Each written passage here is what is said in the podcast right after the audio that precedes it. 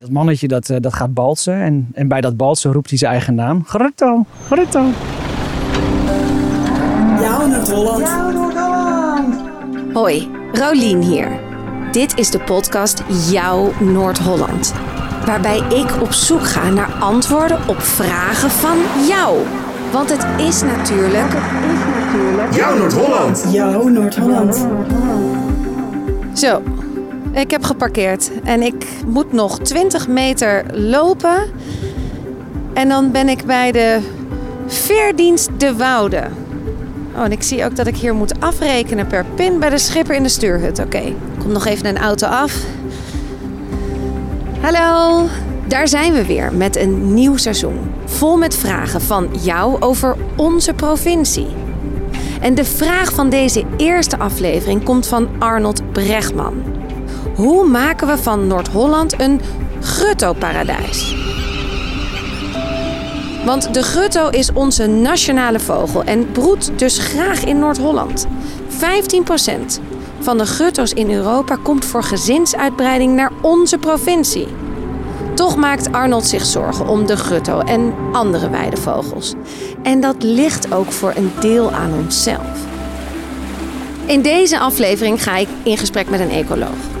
Want waarom vinden we de weidevogels zo belangrijk? Maar ik ga eerst langs bij melkveehouder Dick Hos, de laatste boer van de Westwouderpolder. Een eilandje ter hoogte van Akersloot en de Rijp. Je loopt er in anderhalf uur omheen. En het is er prachtig. Ik ben er inmiddels. Kronkelende slootjes, wuivend riet en natte stukken land. Het eiland is eigendom van Staatsbosbeheer, maar wordt voor een deel gepacht door boer Hos. Als ik aankom op het erf, loop ik maar direct de stal in om eens te vragen... Heeft een van jullie misschien Dick gezien?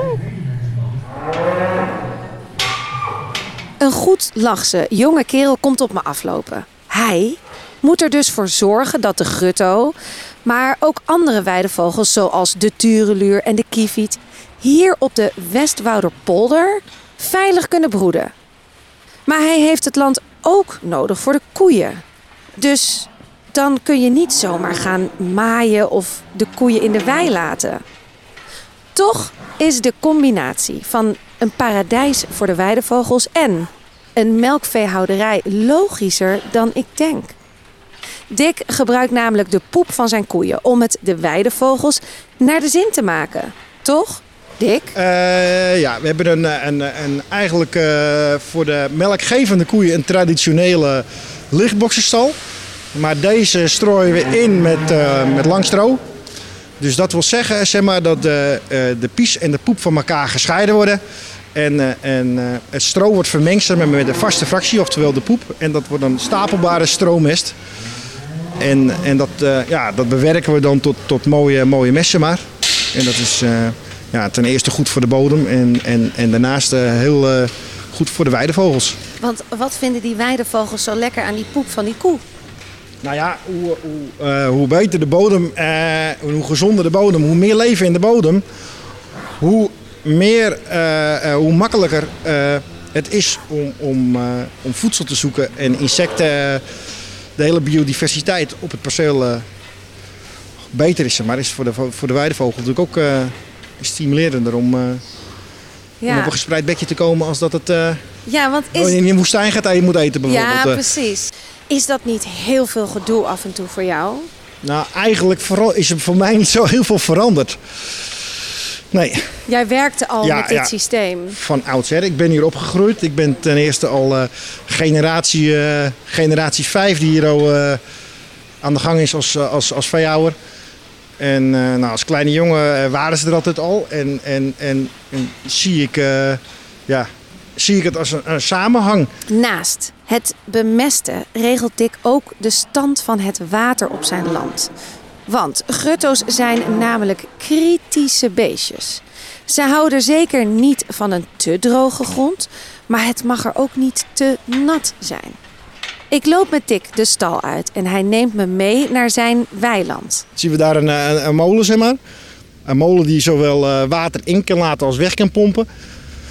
En eh, ja, wij spelen heel veel met het water, zeg maar. Het, eh, het polderpeil is relatief vrij hoog. Dat wil zeggen dat er, eh denk ik, 60% van, van het eiland loopt het water de greppels in. Tijdens het seizoen zetten we die greppels dicht. Dus dan krijg je, zeg maar, ja, dan klinkt, zeg maar, verdampt eigenlijk het water. Dus krijg je een soort slikrandjes en dan beginnen grasjes te groeien. Dus dan, ja, er komen allemaal weer, weer vliegjes en larfjes en dingetjes op af. En dat vinden die weidevogels heerlijk. Ja, ja. En waar, als ze dan hier zijn en het is april, mei en ik zou hier rondlopen, waar gaan ze dan hun eitjes leggen? In, eh, nou ja, in, eh, in, in de graslanden hierachter tot en met eh, ja, waar geen bebouwing staat. En hoofdzakelijk ook een stukje van, van de dijk af, zeg maar. Want ze zien ons toch wel als een, als, als, een, als een verstoringsfactor, zeg maar. Maar het allerbelangrijkste is eigenlijk dat hij ze pullen groot brengt. En dat is, En eh, een pul is het beestje. ja, is het, zeg maar, het keukentje van... eh, dat is eigenlijk het allerbelangrijkste. Want eh, je kan natuurlijk wel de eieren hebben, maar dat ze dan halverwege de race opgegeten worden door een eh slash roofvogel, hermelijn. ehm, of door werkzaamheden eh, verstoord worden. Ja, dan heb je nog niks. Dus ze moeten zich gewoon voortplanten. Dus je moet ze gewoon zorgen eigenlijk, eh, of we proberen ervoor te zorgen, dat die grutto eigenlijk met zoveel mogelijk jongen of pulletjes groot brengt en met zoveel mogelijk weer, eh, weer weg kan trekken. Zeg maar. Ja, en heb je daar ook die vrijwilligers voor nodig die af en toe dus door het land lopen om te checken of alles nog veilig is? Dat Nou er ja, geen... eh, ze, we, in principe is het idee om ze zo min mogelijk te verstoren. Want je kan natuurlijk wel zeggen van ik ga een perceel afzoeken. Maar als je er niks mee gaat doen, heb dat totaal geen zin. Dan ben je ze alleen maar aan het verstoren. Dus wij zoeken, de vrijwilligers zoeken eh, monitoren gewoon vanaf de dijk, zeg maar. Met een, met een, eh, met status stethoscoop, hoe noem je zo'n ding, eh, zo'n kijker, zeg maar. En eh, voor eh, het weiden van de melkkoeien, zeg maar, en, en het eh, loslaten van, of het weiden van het vee, zeg maar, zoeken we percelen af. En dan pakken we de percelen met het minste aantal nesten, zeg maar, of geen nesten. En indien er nesten aanwezig zijn, zeg maar, dan, eh, dan beschermen ze. Hangt ook per soort af, want de meeste doen we met, de, in, eh, met een nestbeschermer, zeg maar. Dat is een soort roostertje over het nest heen. En dan, eh, dan gaat hij er gewoon onder zitten. En als er een heel groepje bij elkaar zit, of wat meer, of, of wat, wat, wat kwetsbaardere soorten, zeg maar. Dan eh, zetten we er gewoon een schrikdraadje omheen, dat de koeien het gewoon links laten leggen, zeg maar. Ja, en met, als er eentje in het weiland ligt, zeg je net, dan gaat er een klein netje overheen. Maar dan kan die grutto zelf wel nog zo naar zijn eitjes lopen en erop gaan ja, zitten. Ja, ja, ja. Ja, dus je, dus je bent, het, het heeft allemaal wel, het kost meer tijd en meer werk om de vogels toch te beschermen in jouw gebied. Ja, ik vind het een hele moeilijk, moeilijk ding om te omschrijven. Maar Ja, Ja. is het ook, dat Ja. snap ik. Maar je het bent is er... meer een vanzelfsprekendheid eigenlijk eh, voor mij dat het eh, in samenhangt, zeg maar. Maar Ja. het is niet voor iedereen vanzelfsprekend. Oké, het verhaal van Dick is duidelijk. Hij houdt van zijn veehouderij en van de weidevogels. En voor hem gaan deze twee heel goed samen. Toch wil ik nog meer weten waarom de provincie deze grutto, de weidevogel, zo belangrijk vindt. Dus ik rijd door naar Martin Witteveld. Hij is een ecoloog en hij weet heel veel van de grutto en van al deze plannen van de provincie Noord-Holland. Martin, Ja. Dick heeft mij heel veel verteld over de weidevogels, over zijn passie, zijn boerderij. Maar ik wil nu toch van jou heel graag weten, hoe zit het nou precies? Waarom is het zo belangrijk dat we die weidevogels een paradijs geven? Ja, die grutto staat ook model voor een bepaald type grasland. Waar veel kruiden in voorkomen, eh, wat nat is. Wat ook waardevol is voor vlinders, voor bijen en andere insecten. Dus het is eigenlijk, ze noemen hem in Friesland ook de koning van de weide. Mooie Eh, naam. Dus hij staat ook een beetje model voor een bepaald leefgebied. Waar Ja. allerlei andere soorten bij horen. En dan is het vaak mooi om zo'n vogel ja, in de spotlight te zetten. En het zijn er natuurlijk veel. Tenminste, het zijn er niet veel meer. Maar Noord-Holland en Nederland zijn heel belangrijk voor die soort. Ja. En oh, je- het is dus zo belangrijk dat de provincie Noord-Holland heeft bedacht... we moeten hier een actieplan voor hebben. Ja. Wat houdt dat actieplan in? Ehm, wat heel belangrijk is wat wij kunnen doen, is gebieden beschermen. Dus wij kunnen zorgen dat gebieden eh, niet meer bebouwd worden en open blijven en beschikbaar blijven voor weidevogels. We kunnen er ook natuurgebied van maken. Dat noemen we dan NNN, Natuurnetwerk Nederland. Daar zijn we ook volop mee bezig. Dat gaat nog een stapje verder. Dat is niet alleen bescherming.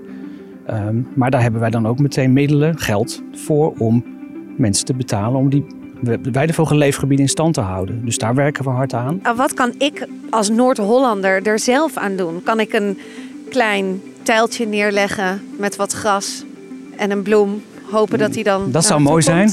Dat kan niet, maar je kan wel andere dingen doen. Um, een voorbeeld is, ehm, ja, kijk eens in de buurt of er boeren zijn die aan weidevogelbeheer doen en hun producten ook lokaal aanbieden. Dus dat is melk die wel ietsje duurder is dan in de supermarkt. Maar je weet wel dat met dat geld die boer ook uh, dingen kan doen voor weidevogels die goed zijn. En daar ook nog gewoon aan kan verdienen. Want als je op de wereldmarkt uh, je melk moet gaan verkopen, dan is het heel moeilijk om dat te combineren met weidevogelbeheer. Omdat je daar gewoon, ja, dat land heb je intensief nodig. En het geldt voor melk, maar ook voor vleesproducten. Dus daar kun je naar kijken. Wat je nog meer kon doen, heel dicht bij huis. Als je een kat hebt, hou hem alsjeblieft binnen in het broedseizoen. Uh, bind hem een belletje om of dat soort dingen. Dat is iets concreets. Maar denk ook eens aan um, dat er bosjes soms verdwijnen in je omgeving vanwege weidevogels. Um, daar zou je ook eens niet tegen kunnen protesteren als omwonende. Maar gewoon denken van, hé, hey, als wij dit landschap willen beter maken voor onze nationale vogel, de weidevogel, dan hoort dit erbij. Um, dus dat is iets wat je kunt doen. En denk ook eens aan het niet plaatsen, het is een beetje negatief geformuleerd, van een ooievaarsnest. Dat zie ik in de omgeving ook nog wel eens. Uit goede bedoeling. Maar dan zetten mensen een ooievaarspaal neer. Er komt dan netjes een ooievaar broeden. Um, ja, midden in een weidevogelgebied. En dat, dat is niet per se verboden, maar dan denk ik, ja, doe dat niet. Want die ooievaar die lust wel zo'n ei. Die lust heel graag pulletjes uh, van, uh, dus kuikentjes van een weidevogel. Ja. Dat is gewoon, dat is in de broedtijd belangrijk voedsel voor die ooievaar. Ja. Ja, want ik hoorde ook van Dick dat het heel belangrijk is dat ze niet alleen de eitjes leggen, maar dat ze ook daadwerkelijk tot een gezin. Klopt. Ja. Ja, dat is maar één stuk van het verhaal. Ze komen hier. Moet dan ook bijkomen van zo'n lange vlucht. Dus dan moeten ze opvetten, zoals dat dan heet. En dan doen ze, dat doen ze voornamelijk met, uh, met wormen. Dan vet je lekker van op. Ja. En dan gaan ze ja, balsen, gaan ze een partner zoeken. En dat is, ik weet niet of, of jullie dat bij Dick al gehoord nee, hebben. Nee, vertel, ik heb dit nog niet gehoord. Oh. Hoe werkt dat? Hoe vindt het mannetje het vrouwtje? Ja, dat mannetje dat, uh, dat gaat balsen. En, en bij dat balsen roept hij zijn eigen naam. Grutto, Grutto. Daar heeft hij dan zijn naam aan te danken aan dat geluid. Ja, en uiteindelijk komt er een paardje. En dan wordt er een nest gelegd. En daar zit een ei of drie, vier in. En na een dag of 20, 24 komt het uit. Uh, dus dat is een belangrijke stap. Daar had je het natuurlijk net over. Ja, dan moeten die jongen nog wel volwassen worden. Ja. Vliegvlug, zoals het dan heet. Uh, die jongen komen meteen uit het ei en kunnen lopen. Dat noemen ze dan nestvlieders. En moeten zelf voor hun eten zorgen. Dus ze worden niet gevoerd, hè, zoals een merel. Een merel die, ja, die heeft een nestje en die komt elke keer braaf ze, ze, ze eten brengen. Grutto-jongen die moeten zelf meteen aan de bak. Maar ze worden wel in de gaten gehouden door hun ouders. Jouw Noord-Holland. De grutto. Nou, ik ben nu toch wel anders tegen deze vogel aan gaan kijken en tegen de weidevogels in het algemeen. En ik heb respect voor deze boeren, want het vraagt wel veel meer werk en toch ook wel veel meer geduld. Fijn dat Noord-Holland een paradijs voor de weidevogel wilt creëren. Want zoals Martin het ook verwoordde, de grutto is een belangrijk onderdeel van de biodiversiteit. Vogels, bloemen, bijen, etc. Het heeft allemaal met elkaar te maken. Ook ben ik blij met de tips van Martin. Daar kan ik echt wat mee. En ik ben benieuwd wat jij daarmee gaat doen.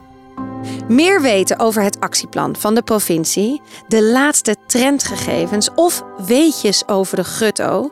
Kijk in de show notes van deze aflevering. Show notes, dat zijn die tekstjes die bij de aflevering staan in je podcast-app of op de site noord-holland.nl/slash podcast. Ook zet ik daar een link van Martin, waar je de grutto kunt volgen en een paar boeren die producten verkopen waarmee je de bescherming van de weidevogel steunt.